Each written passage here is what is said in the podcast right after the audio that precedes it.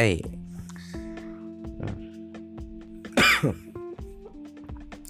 Lo semua lagi dengerin podcast MDBG Podcast Mikir Dulu Baru Gerak barengan gue di Bobi Raga Untuk hari Minggu tanggal 17 Februari 2019 Yes, kali ini gue gak tipe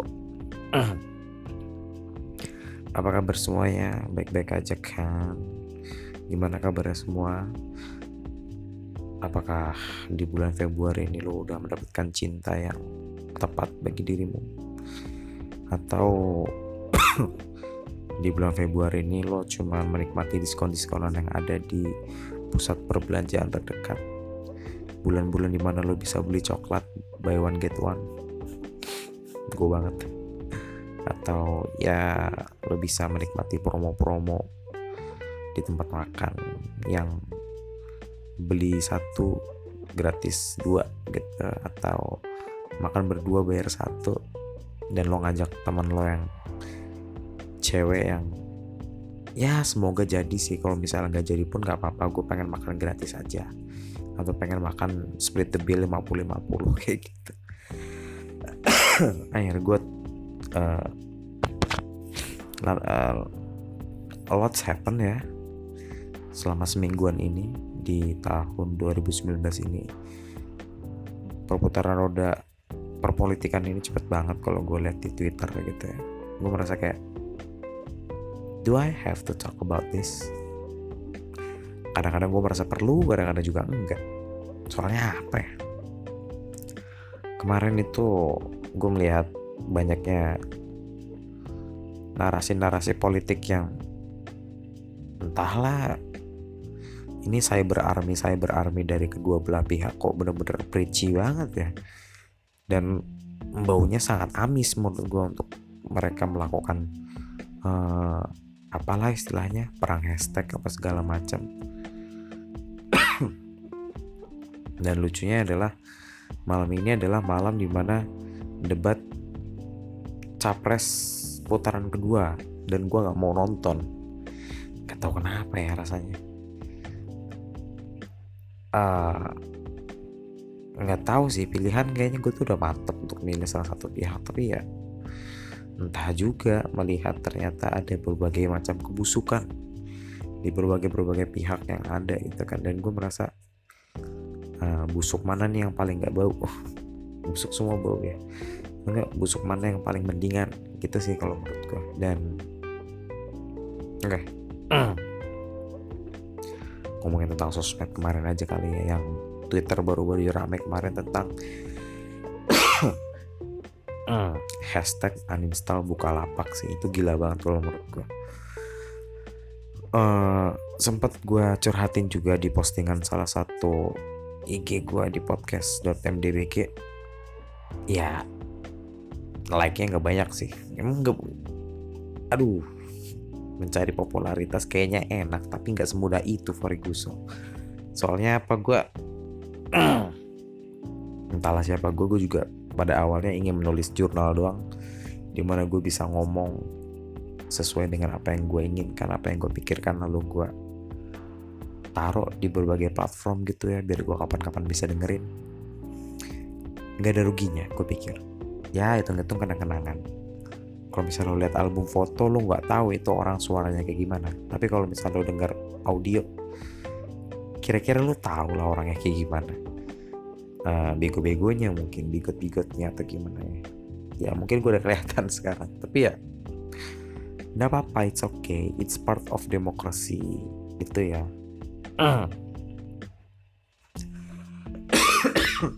Aduh kesehatan gue mengek banget apa ya yang gue ngerasain kemarin? Yang prahara hashtag Anisal Bukalapak ini rasanya tuh bener-bener amis banget ya. Di mana ya lu tau lah Ahmad Zaki CEO Bukalapak itu nge-tweet uh, deretan negara dengan uh, masing-masing dana R&D yang yang negara atau pemerintah sediakan gitu kan dan ternyata Indonesia tuh cuman 2 billion billion dollar gitu kan. Dan itu hitungannya cuman nyampe berapa triliun gitu. Nah uh, polemiknya adalah di mana Ahmad Zaki ini selaku CEO-nya Bukalapak itu menuliskan semoga dana R&D makin tinggi atau gimana gitu di melalui presiden baru gitu kan. Dan ini yang bikin bener-bener kayak orang-orang tuh kepanasan gitu loh. Ya mungkin yang kubu paslon sebelah atau gimana gitu kan. Gue merasa uh, kayaknya kebebasan orang untuk memegang pendapatnya sendiri atau free speech gitu ya bener-bener dihalangi gitu loh merasanya sih. Soalnya dengan merujuk oleh kata-kata tekstual tersebut aja orang-orang sudah bisa menafikan bahwasannya dia mendukung dia. Uh, as you know lah. Terus orang-orang itu lah ramai-ramai memboikot uh, perusahaan e-commerce tersebut gitu loh. Dan bahkan ada di grup-grup WA keluarga dan juga di tweet di mana gue hari itu emosi ya. Di mana ada tweet yang menghimbau bahwasannya udah pergi ke Google Play apa di App Store habis itu lo laporkan dan lo bilang ini melecehkan atau tidak pantas atau apa nanti ditutup sama Google. Itu gila gue bilang. Ini tuh gerakan-gerakan masif yang nggak pakai otak gitu loh. Di mana lapak itu bisa menghidupi beberapa atau sejumlah pekerja dengan keluarga-keluarga mereka sama sih kejadian sama Gojek. Sama Sari Roti juga itu pernah juga gue kayak gedek banget sih. Wajah-wajah PR-nya uh, agama tertentu ini jadi tercoreng karena beberapa oknum-oknum yang bilang dengan mudahnya bahwasannya ya apa namanya? Seon kalau kalau suatu kelompok itu tidak mendukung kami maka kami akan boykot. Kayak begitu sih kalau menurut gue ini sama dengan kasus yang sari roti uninstall gojek atau juga uninstall bukalapak gitu kan. Dan yang lucu adalah di sosmed ini lo merhatiin gak sih? Di Twitter sih terutama. Uh, admin-admin dari tiap-tiap korporasi mau dari itu itu dari e-commerce mau itu dari layanan streaming video layanan streaming film layanan-layanan lainnya gitu kan. Mereka tuh berlomba-lomba uh, sang korporasi itu memberikan persona memberikan kepribadian kepada akun admin tersebut. Mungkin ada di antara lo, semua yang lihat jenakanya adminnya Netflix gitu ya. Netflix Indonesia tapi ya. itu tuh bener-bener kayak mereka tuh saling menyerang dengan luwes gitu loh. Ya nggak secara norak gitu kan secara luwes dan lucu gitu loh. Komedi adalah uh, cara menyindir yang paling bagus kalau menurut gue siapa yang ngomong ya kayak nggak tahu deh. Ada kayaknya yang orang ngomong kayak gitu tapi habis itu juga uh, momen-momen seperti ini juga dimanfaatkan. Waktu itu uninstall Gojek gitu ya Grab itu kayak uh, separuh simpatik separuh ketawa kayak gitu kan melalui tweetnya mereka. Daripada uh, aku lebih milih Go karena kalau di Grab Grab doang uh, kasihan itunya gitu kan. Atau enggak saya mending Grab dia langsung bawa ke pelaminan gitu. Itu lucu banget sih kalau menurut gue apa ya? Narasi-narasi lucu-lucuan yang saling menyindir ini kayaknya membangun korporasi secara lebih luas dan churn rate-nya kemarin tuh uh, aplikasi e-commerce sebelah melalui twitternya juga nge-tweet lucu tentang hal itu. Pakai emot doang gitu kan. Gue kayak ini lucu banget. Bisa banget dia ngemanfaatin situasi kayak gini. Emotnya nggak salah emot ngedip sebelah gitu kayak ih lucu lah kalau gue pikir. Terus dengan santainya tuh orang-orang ya gue nggak tahu sih mereka afiliasinya ke mana tapi mereka kayak mendukung mendukung mendukung mendukung mendukung sama-sama karya bang karya anak bangsa kayak gitu gitu gue sih merasa ya nanti nih bakalan ada imbas baliknya sih. Apalagi pas di YouTube gue lihat langsung uh, dua uh, dua bersaudara youtubers Indonesia ini langsung mengeluarkan video-video mengenai apa saja yang uh, Bukalapak sudah lakukan di dalam uh, dapur IT mereka sih. Melalui kampus ITB melalui lulusan-lulusannya dan segala macamnya. Gue tuh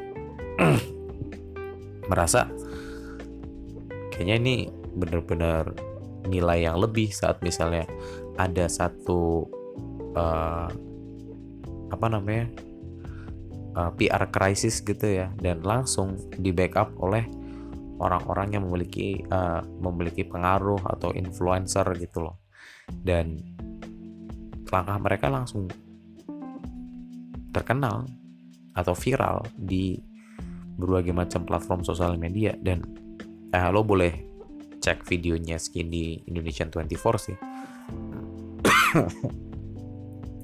Gimana mereka uh, office tour dan juga bagaimana mereka melihat-lihat apa saja yang sudah dikerjakan oleh tim dari BL tersebut. Dan gue ngerasa bahwasannya uh, hashtag uninstall Bukalapak ini malah bukan merugikan kayaknya malah uh, menaikkan elektabilitas dari e-commerce tersebut gitu loh.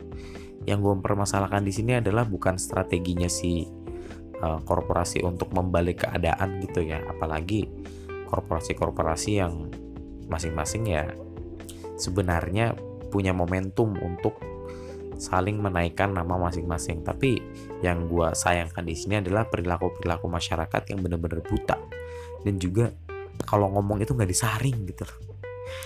Ya emang dari dulu sih netizen tuh kayak gitu. Tapi netizen yang gue lihat dulu tuh adalah netizen yang nggak pakai avanya masing-masing gitu loh, nggak pakai ava di real life. Gue kadang-kadang berpikir bahwasannya ini beneran bot berani ngomong kayak gini gitu kan. Tapi uh, username twitternya itu nggak pakai nomor atau nggak sih lo? Kan ada indikasi kalau misalnya ada username pakai nomor yang nggak jelas gitu acak gitu kan. Itu kan jelas kayak ini bot dibuat berapa orang gitu kan. Terus ini entah itu dari uh, black ops ya relawan sana atau black ops ya relawan sini kayak gitu kan. Tapi kalau di lihat ini nggak ada.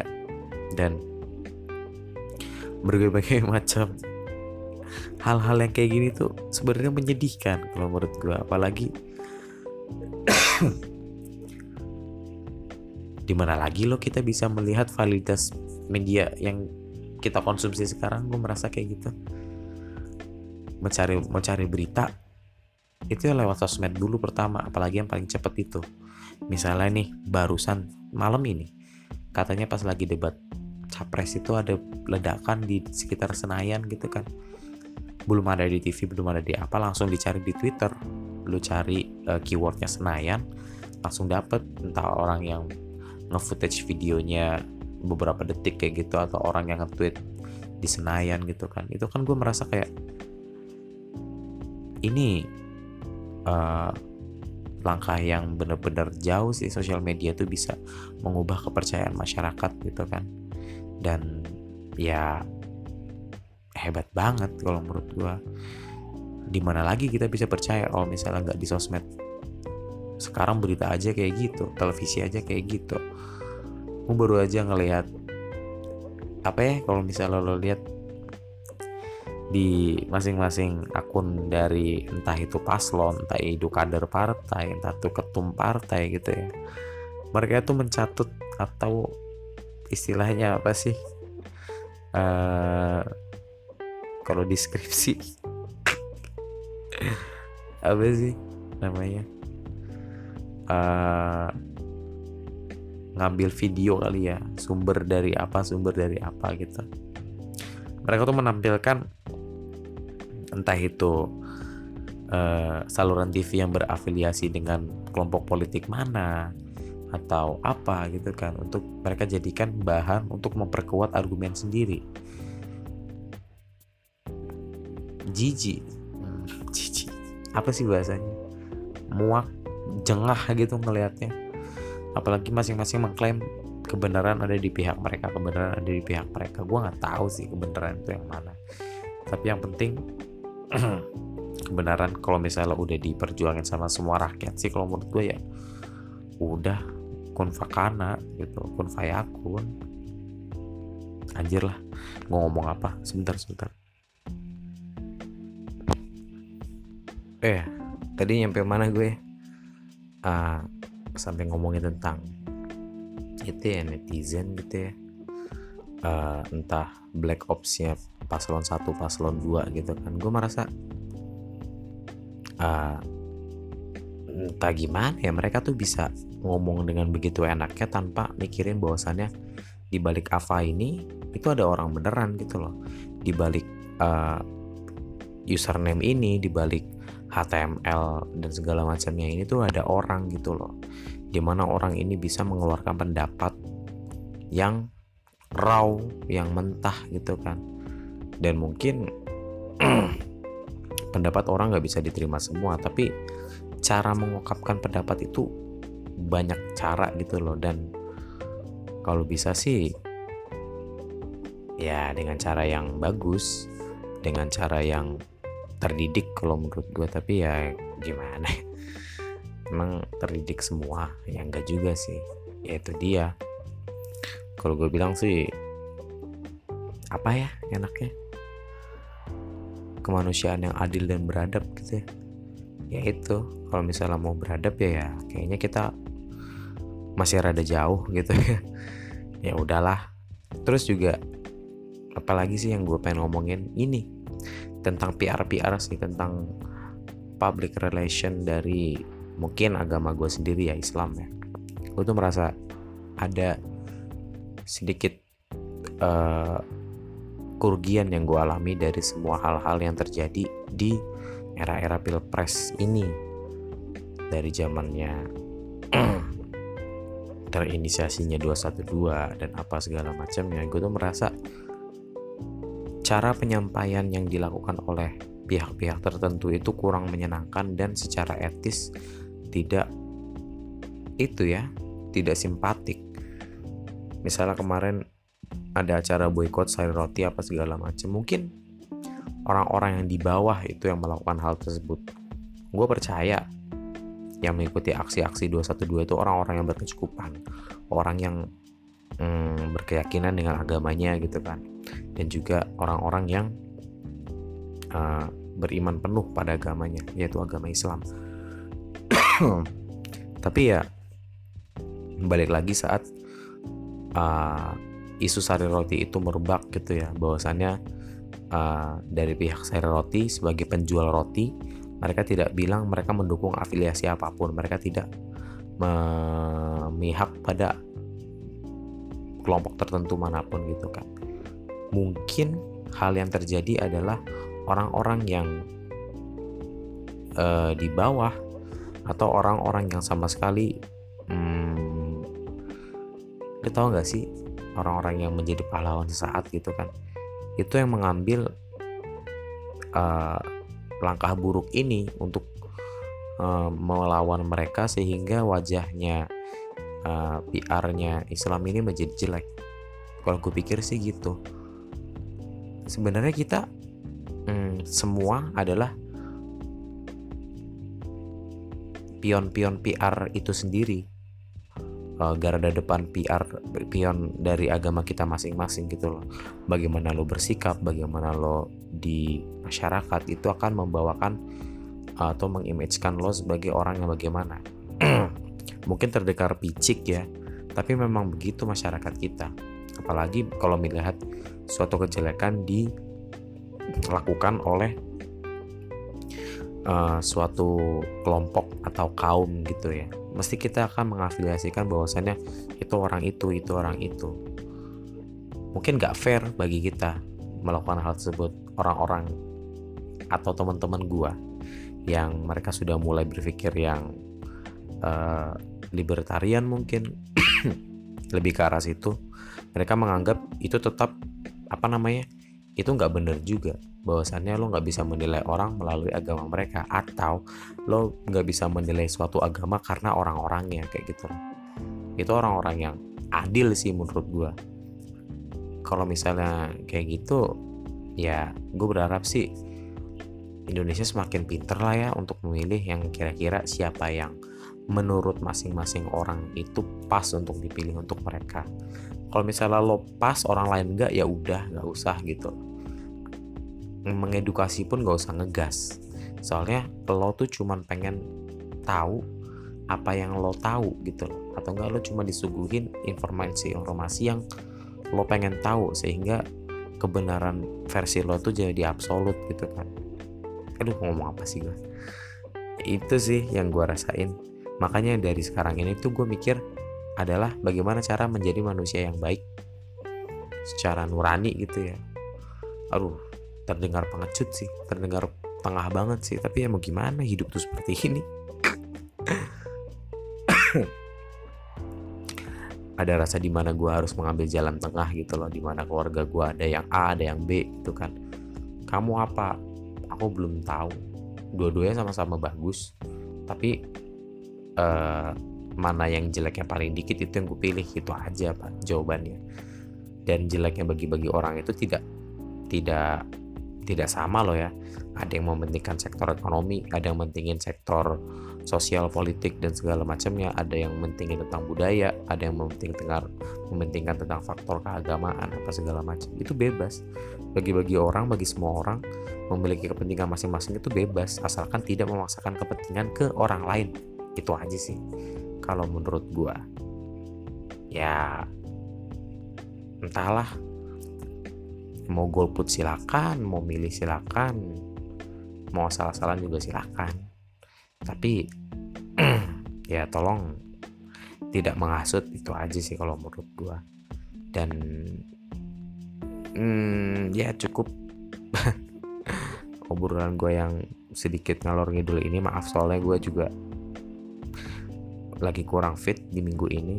Kayak gue gak fit mulu deh maaf ya dan juga buat teman-teman semua yang udah dengerin podcast mikir dulu baru gerak thank you banget. Kayaknya pikiran gue udah berkutat di situ-situ aja deh.